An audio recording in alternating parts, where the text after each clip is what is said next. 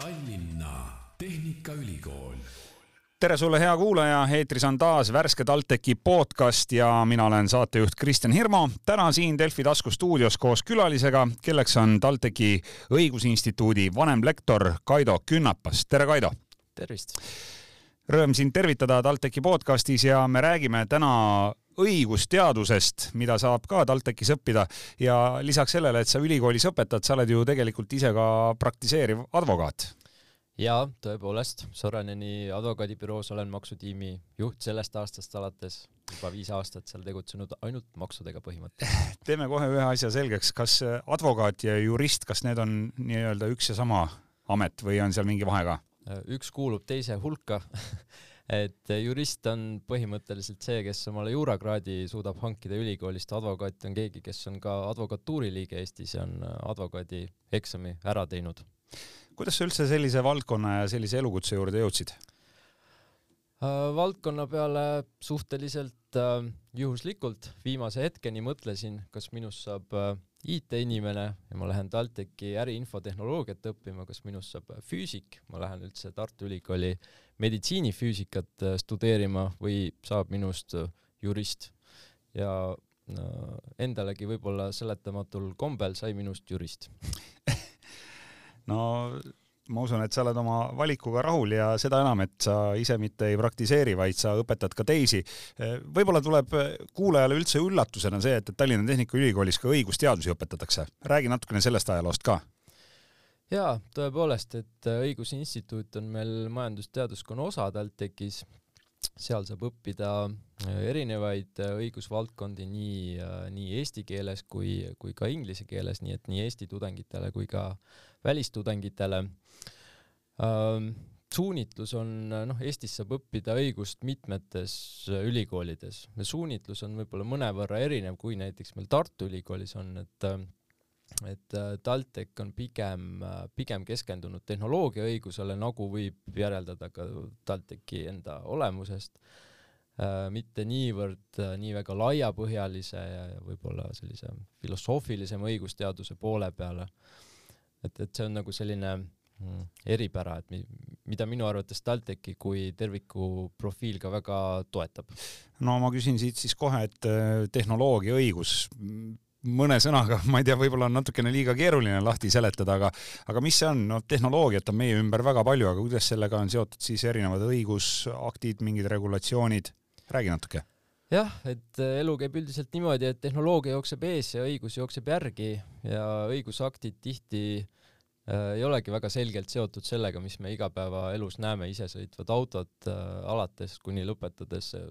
ma ei tea, tokeniseeritud optsiooniprogrammidest, erinevatest tokeni programmidest, erinevates põnevates äh, veebikeskkondades. et äh, noh, päeva lõpuks kõik, kes kasutavad keskkondi, kes kasutavad isesõitvaid autosid, seal on ju küsimus vastutusest, maksudest, jumal teab millest, andmekaitsest, isikuandmed liiguvad,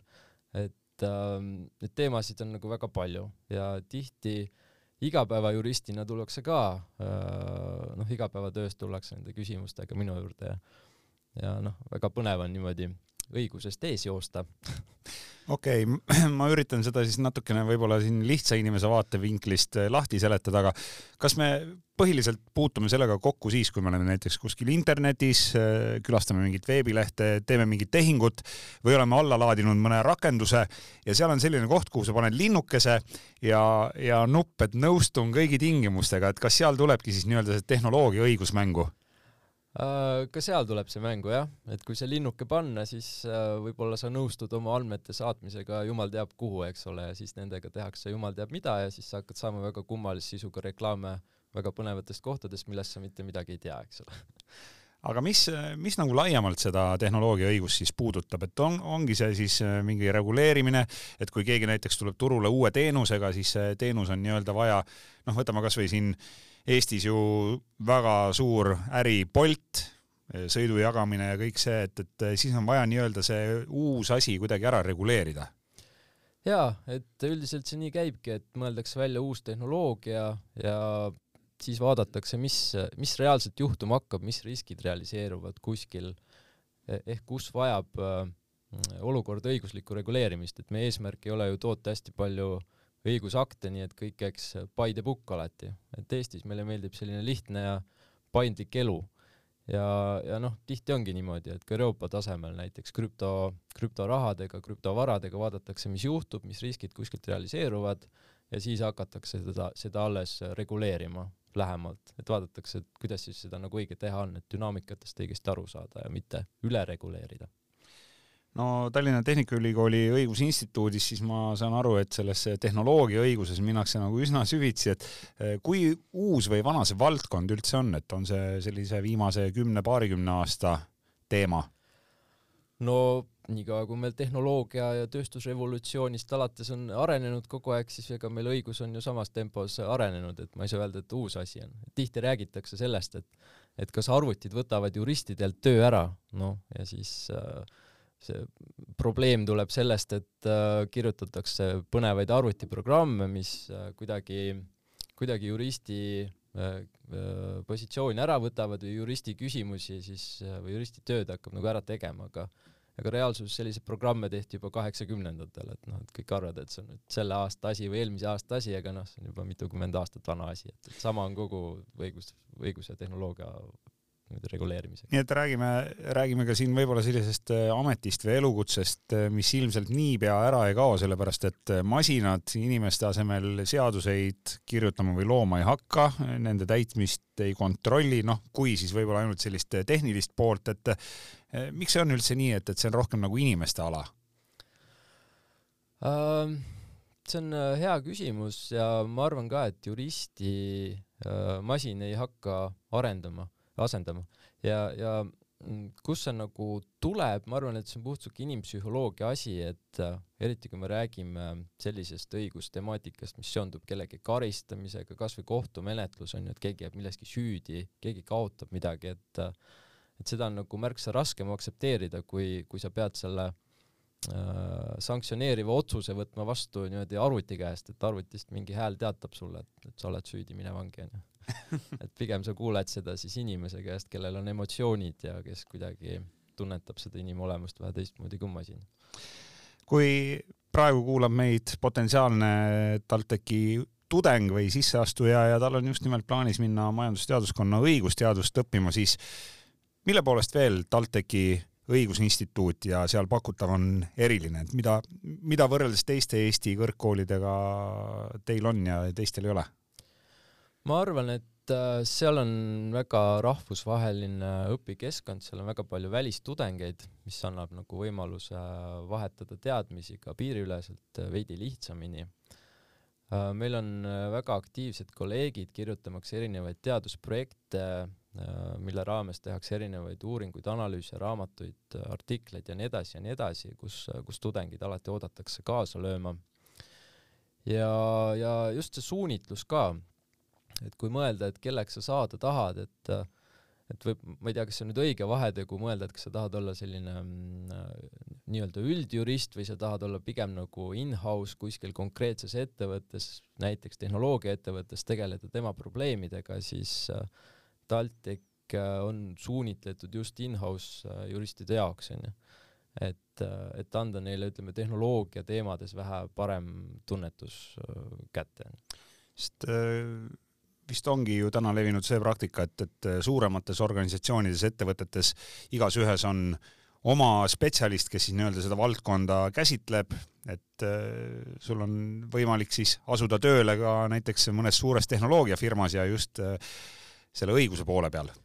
jaa, et, et see ongi võib-olla TalTechi põhi, põhifookus, et kuhu ta oma õppekava on nagu suunanud, et, et miks ta nagu, kellele ta peaks atraktiivsem olema. ja noh, nagu me teame, siis äh, noh, kes teab, kes ei tea, et siis äh, äh juristidel üldiselt on äh, põud. Et, äh, et ka advokaadibürood on siin viimasel ajal palju hakanud vaatama, et, et äh, tähelepanu pöörama sellele, et kuidas ikkagi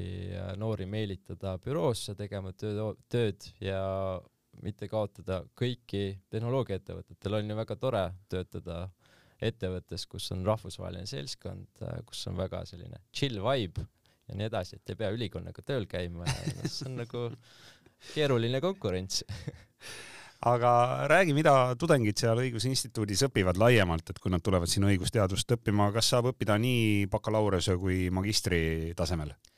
jaa, et äh, mõlemas tasem-, mõlemal tasemel saab õppida ja, ja saab õppida eesti keeles, saab õppida ka inglise keeles, et selles suhtes äh,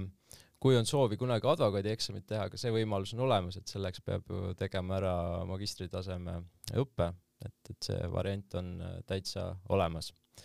Et õppida saab seal väga erinevaid asju, mina õpetan näiteks maksuõigust, siseriiklikku rahvusvahelist maksuõigust,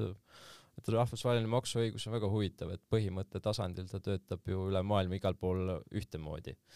Et seal saab õppida ka erinevaid tehnoloogiaga seotud valdkondi, nagu arvata ka võib, et näiteks intellektuaalomandi temaatikat, rahvusvaheline kaubandus-müügiõigus, rahvusvaheline õigus, loomulikult lepinguõigus, mis on selline traditsiooniline õigusvaldkond ja nii edasi ja nii edasi. no täna räägitakse sellest, et noor peab üldse olema väga laiapõhjalise haridusega ja, ja sa pead nii-öelda saama tükikese siit, tükikese sealt ja, ja ampsama neid erinevaid asju, et kuidas see Majandusteaduskonna Õigusinstituudi tudengitega on, et, et kui nüüd keegi tunneb, et tahaks võib-olla ka natukene IT-d või, või ma ei tea, miks mitte ka mõnda päris tehnilist õppeainet juurde, et, et kuidas see elu seal integreeritud on? TalTech on ju ülikool, kus on väga erinevaid tehnoloogia äh, valdkondi, õppekavasid ja nii edasi, et seda kõike saab äh, kasutada võimalusena minna ja studeerida juurde neid sisulisi asju, mis sind tõesti huvitavad, et minu arust juristiameti teebki väga huvitavaks see, kui sa ühelt poolt õpid juurat ja teiselt poolt õpid juurde seda väga spetsiifilist eluvaldkonda, kus sa seda juurat rakendad, et et muidu noh, võib-olla jätabki veidi sellise endale sisimas diletandi tunde, et kui ma nüüd äh, räägin, kuidas reeglid on mingis asjas, millest ma tegelikult ei tea, kuidas asi käib, et siis äh, tegelikult selle juurde õppimine, selle sisulise valdkonda juurde õppimine aitab endal ka nagu selgitada, et miks, miks see juura ikka nagu tore on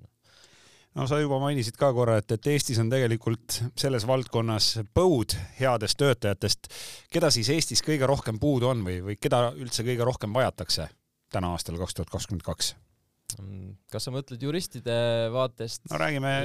räägime õigusvaldkonnast, juristidest, advokaatidest, keda, keda on kõige rohkem vaja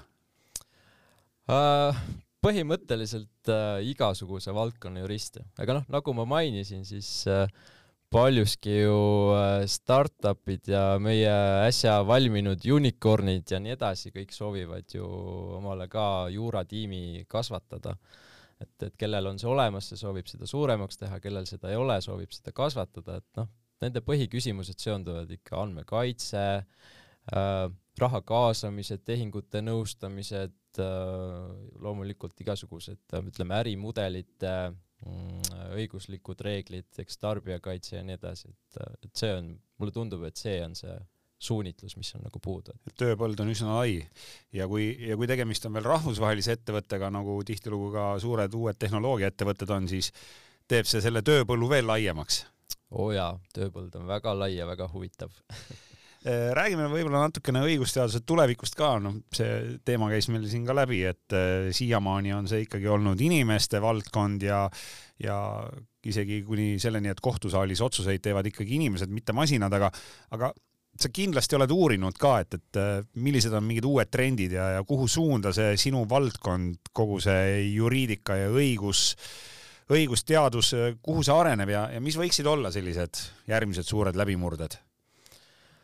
Noh, äh, õigusteadus on selline sotsiaalvaldkond, et ma ei tea, kuivõrd seal saab rääkida läbimurretest nagu füüsikas, kus sa avastad midagi, mingisuguse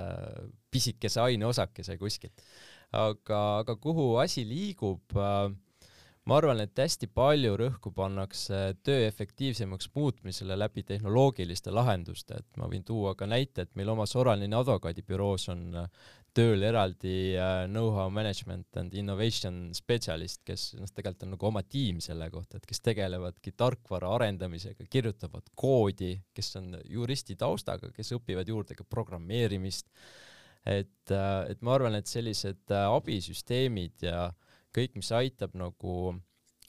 tehtud tööd juba taaskasutada ja kõik, mis aitab äh, inimestel endal kuidagi lihtsamini aru saada õigusteemadest, niinimetatud self-help äh, tool'id, mis on ka nagu noh, arvutiga midagi kokku tehtud, et et see on nagu tundub väga buumiv praegu no seda enam, et äh, ma kujutan ette, et selles valdkonnas on ka samamoodi hästi palju andmeid, mida siis äh, saadakse siit ja sealt ja kui kasvõi menetletakse mingit reaalset äh, juhtumit, siis sealt tekib ka seda andmemahtu nagu kõvasti, et võib-olla siis just see andmete töötlemine, nende taaskasutamine, analüüsimine, et, et kõik see võiks olla ka õigusteaduse selline uus suund jaa, absoluutselt, andmeid tuleb ju järjest juurde ja, ja väga palju rohkem, kui need on eile, on neid täna ja nii edasi, et kõik kasvab ekspen-, eksponentsiaalselt, et selles suhtes andmekaitse ja kogu see temaatika on kindlasti väga väga arenev. Ja muidugi kõik, mis seondub Web3-ga, krüptoga, kogu uue interneti põlvkonna tulek, kogu token'i majandus, kõik see teema, et et see on väga uus ja põnev. no võib-olla inimene praegu kuulab ja, ja ta ei saagi paljudest terminitest ja sõnadest aru, millest jutt käib, aga, aga seda kõike siis saab ka Tehnikaülikoolis äh, Õigusinstituudis omandada, õppida, endale selgeks teha. nii et ka kõik need kõige uuemad tehnoloogiad ja teemad on teil seal jutuks? absoluutselt ja, ja lõputööde kirjutamine on ju ka meie igapäevatöö osa ja õppejõudude poolt juhendamine, et äh, ka ise juhendan tehnoloogia suunitlus küll nagu maksufookusega, aga ikkagi tehnoloogia suunitlusega lõputöid eelkõige no,. näiteks, et äh, kuidas maksustada krüptotehinguid ja nii edasi, et kõik see, kõik see ka sinna kaasa arvatud. jah, see, see on juba natukene isegi nagu eilne päev aga, aga mis on no sinu enda valdkonnas äh, maksundusega seotud, et mis, mis on praegu sellised kõige, kõige värskemad tuuled või, või kõige põnevamad teemad, mis, mis puhuvad? Saad äkki mõne uh,, mõne nimetada? noh, maailm on keset äh, sajandi maksureformi nagu me seda ise nimetame, et neid teemasid on väga palju, aga aga ma pakuksin, et äh, kogu krüpto ja, ja, ja ütleme, tokenite majandusega seonduvad asjad, et väga populaarsed on teha igasuguseid platvorme internetti, eks ole, et kus inimestele antakse token eid, kas see on lojaalsusprogrammina käsitletav, kas see on vautšerina käsitletav ja nii edasi, et noh, väga erineva funktsiooniga ja väga palju kliente tuleb igapäevatööski, küsib, et ma annan nüüd token'i välja, et kuidas seda maksustatakse, noh siis minu küsimus on, et et mul on siin valge paberileht, et kuidas me seda maksustame, sõltub, mis me sinna peale kirjutame, eks ole. ja mis selle eest saab hiljem. jah, ja mis selle eest saab Eestiski vist teadapärast, teadupärast on selliseid ettevõtteid, kes on siis tulnud oma nii-öelda tokenite ja, ja igasuguste mingite krüpto, krüptovääringutega välja, et, et äh, siinsamas kodumaal on ka selles vallas tööd palju? jaa, absoluutselt. Eesti ettevõtjad on väga aktiivsed ja õnneks meie, meie tehnoloogiasektori mm, eestvedajad on ka väga-väga niimoodi pooldavad seda, et, et Eesti ei reguleeriks nüüd üle kogu krüpto ja, ja sellega seonduvat majandust et praegu Eestil natukene raske aeg on, et kuna me oleme nüüd rahapesu äh, hindamises äh, Moneyvali poolt ja me üritame seal ikkagi puhtalt niimoodi välja tulla, äh, see on nagu mõnevõrra teinud raskemaks kogu, kogu krüptosektori eluolu, aga loodetavasti see läheb peatselt paremaks ja saab jälle uue hoo sisse. Kui siin on juttu olnud sellest, et näiteks IT-tudengid saavad juba esimesel-teisel kursusel ka kohe endale üsna tasuva töö, siis kuidas õigust teaduskonna tudengitega on, et, et kuidas, kuidas nendel on, kas ka bürood ja, ja firmad hakkavad neid juba napsama varakult, et kooli kõrvalt tööle? absoluutselt, siis kui, siis kui mina lõpetasin ülikooli, see oli aastal kaks tuhat kümme või kuskil sealkandis, kui ma õigesti mäletan, et siis, siis üldiselt enne magistrit Äh, väga hea nagu kindla töö peale sa kuhugi advokaadibüroosse ei saanud niisama lihtsalt, et, et täna on ikkagi niimoodi, et tudengid äh, saavad juba peale esimest-teist kursust äh, tööle ja hakkavad juba õigus nõustamisega, ma ei saa öelda, et tegelema büroos, aga abistama siis advokaate õigusnõustamisel. on sul infot ka selle kohta, et kuidas see mõjutab õppetööd, et kas üks hakkab teist segama või, või pigem saavad tudengid kõigega hakkama uh,? Minu kogemus on, et tänapäeva tudengid on väga võimekad ja suudavad selles äh, infotulvas kuidagi oma fookust äh, hoida, et pigem praktiline elu ikkagi nagu selle tundmine aitab kaasa sellele, et sa saad aru, mida sa ülikoolis äh, õpid. et, et pigem nagu, pigem nagu see mõjub ikkagi hästi, et sa, et sa õpid iga päev reaalses elus juurde seda, et mida sa siis koolis nii-öelda teoorias saad kas Majandusteaduskonna Õigusinstituudi tudengid teevad oma kas bakalaureuse või magistriperioodi jooksul ka õppepraktikat, et minnakse kuhugi ettevõtetesse praktiseerima? jaa, käiakse ikka, et, et äh, meilgi on käidud äh, Soranini büroos, käiakse välismaal, et kuna meil on välistudengeid päris palju, Soome tudengeid eelkõige, et siis õppepraktikat tehakse ka Soomes, et see on täiesti tavaline ja no sellest sai ka juba juttu tehtud, et mitte ainult õigusbürood ja advokaadibürood, vaid ka ettevõtted, tänapäeval enam mitte suurkontsernid, vaid, vaid täitsa normaalsed asutused, organisatsioonid, ettevõtted vajavad oma ridadesse õigusharidusega ja juuraharidusega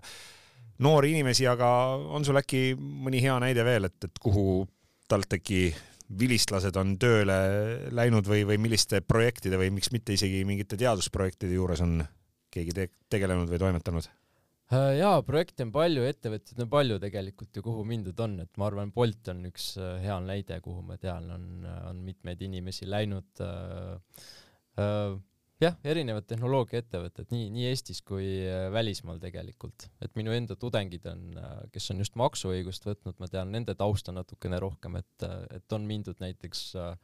Hollandis äh, Big Four ettevõttesse tööle ehk siis audiitorbüroosse tööle maksunõustamisega tegelema äh,. aga jah, puhttehnoloogia seisukohalt ma usun, et äh, Bolt on Eestis ikkagi number üks, äh, mis, äh, mis värbab meie inimesi ja mille kasvupotentsiaal on ka väga suur veel ka edaspidi nii et äh, mitte ainult koodi kirjutama või, või uusi tehnilisi lahendusi välja mõtlema, vaid ka õigusalast nõu andma saab siis äh, Tallinna Tehnikaülikooli tudeng minna ka sellisesse ettevõttesse. Äh, no veel üks väga suur ütleme ikkagi suur asi, millest tänapäeval hästi palju räägitakse, on kõik see jätkusuutlik ja keskkonnasäästlik majandamine ja rohepööre. oskad sa öelda, kas see on toonud ka õigusteadusesse ja juriidikasse mingeid uusi äh, uusi suundi, uusi ameteid, et kuidas see rohepööre teie valdkonda mõjutab? no väga palju mõjutab, et äh, kas ta nüüd äh,, kas ta nüüd uusi ameteid otseselt juristide hulka toob, aga väga mingid keskkonna, keskkonnajuristid või, või roheadvokaadid? jaa, keskkonnajuristid on alati olemas olnud või noh, kas just alati, aga väga pikalt juba ja nende tööpõld kindlasti sellega seoses laieneb, et äh, noh, tegelikult on väga palju erinevaid teemasid, alates näiteks äh, ma ei tea, Euroopa mobiilsuspakett, mille idee on, et Euroopa ääre, liikmesriikide, Euroopa Liidu liikmesriikide ääremaa veoettevõtjad äh, siis oleksid võrdsemas positsioonis nende veoettevõtjatega, kes siis Kesk-Euroopas äh, tegutsevad. et see on äh, idee poolest selline väga aateline, aateline reeglistik, mis on välja töötatud, aga seal on väga palju küsimusi tekkinud seoses sellega, et kui väga ta siis nüüd äh, roheline kõik on, eks ole, kui väga ta meie rohepöörde temaatikaga kokku läheb ja noh, juba sellest tekib nii palju küsimusi ülesse, mis on seotud maksujuristi tööga, mis on seotud IP-juristi tööga, mis on seotud transpordijuristi tööga, et lihtsalt üks näide. ja loomulikult büroodes ka pööratakse rohkem tähelepanu äh, ütleme sellele, et olla rohelised, kasutada äh, vähem paberit, kasutada äh, ressursse säästlikumalt, kasutada paremaid lampe pirnipesades, et et noh, see on kõik see ka, mida tegelikult kliendid äh, väärtustavad ja tahavad näha, et just advokaadibüroo vaates see on ka nagu asi, millega tegeleda. Ja meie noored kolleegid on ka väga eeskujuks vanematele kolleegidele selles vallas, ma pean tõdema et äh, vanem generatsioon tahab võib-olla ikkagi paberi kätte võtta, aga, aga nooremad on harjunud juba asja ekraani pealt ja, vanemad menetlema. vanemad mõtlevad, et säästaks silmi, nooremad mõtlevad ikkagi, et säästaks loodust aga anna mõni hea soovitus nüüd äh, noorele kuulajale, kes alles on oma eriala valiku eel, et äh, ta ei ole suutnud otsustada, miks oleks õigusteaduskond ja, või Õiguse Instituut Tallinna Tehnikaülikooli majandusteaduskonnas hea valik uh,? Ma arvan, et õigusteaduse kasuks kõikide teiste valdkondade üle räägib see, et äh, ta pakub nagu väga laiapõhjalise hariduse, et tegelikult äh, äh, juura ju seondub põhimõtteliselt iga eluvaldkonnaga, mis suudate ette kujutada, on olemas ju isegi asi nagu spordiseadus, eks ole, teed sporti ja selle kohta on ka seadus, eks ole. et see küll ei, ei dikteeri, et kui kiiresti peab jooksma, aga, aga ta räägib ka mingitest spordivaldkondadest, et et äh, kui sa sportlane ei ole, aga tahad spordiga seotud olla, siis läbi juura saad sa sellega seotud olla, et nii naljakas, kui see näide ei ole. et see on minu arvates juura võlu, et sa saad tegeleda väga-väga erinevate äh, valdkondadega. kas äh, võib seal olla selline väike lisaboonus ka, et, et ma ei tea, sõprade või pereringis, kui tekib mingi vaidlus, siis sa oskad nagu asjad alati selgeks vaielda ja, ja nii-öelda oma seisukohti kaitsta oma seisukohtade kaitsmine on alati positiivne, aga kas see nüüd juristi unistus on, et äh, laupäeval suguvõsa kokkutulekul hakata suguvõsa probleeme lahendama, ma natukene oleksin skeptiline, et sellepärast võib-olla ei maksa mõelda kooli minekule et see on umbes nii, et, et kui, kui pereringis või suguvõsas on keegi kirurg, et siis äh, vanaema sünnipäeval sa ei hakka ka kedagi opereerima, et. just, et noh ki, kirurgil on vaja skalpelli ja ruumi selleks, et seda teha, aga juristil kahjuks pea otsas on, siis on juba probleem sellega. ja nagu saime teada, siis äh, õigusvaldkond on väga lai ja, ja mitte ainult siis advokaadibürood, vaid ka kõikvõimalikud muud ettevõtted pakuvad äh, värsketele tudengitele juba ja siis hiljem ka ülikooli vilistlastele tööd ja tundub väga põnev äh, valdkond olevat igal juhul. kas Kaido tahad veel midagi lisada, millest, millest meil täna äkki juttu ei olnud, et, et meelitada veel noort TalTechi ridadesse majandusteaduskonda õigusinstituuti? jaa, ma võin näiteks soovitada enda õppeainet, et kellel on suurem huvi rahvusvahelise maksuõiguse vastu, ma võin öelda, et Eestis on maksujuristidest eriline põud. et äh, kellel on selle vastu huvi, siis äh, see on minu aine, mis ma õpetan. Äh, maailm on keset suurt maksureformi, mis tähendab, et regulatsioone tuleb kogu aeg juurde, väga palju on kliente, kes vajavad abi sel teemal ja see on kõik sealjuures ka väga huvitav, vähemalt minu arvates, mulle meeldib arvutada, mõned kolleegid muidugi vaatavad, et see maksuõigus on üks imelik asi, et seal peab tundma numbreid ka. seal on jah, numbreid vaja teada ka, et äh, see on äh,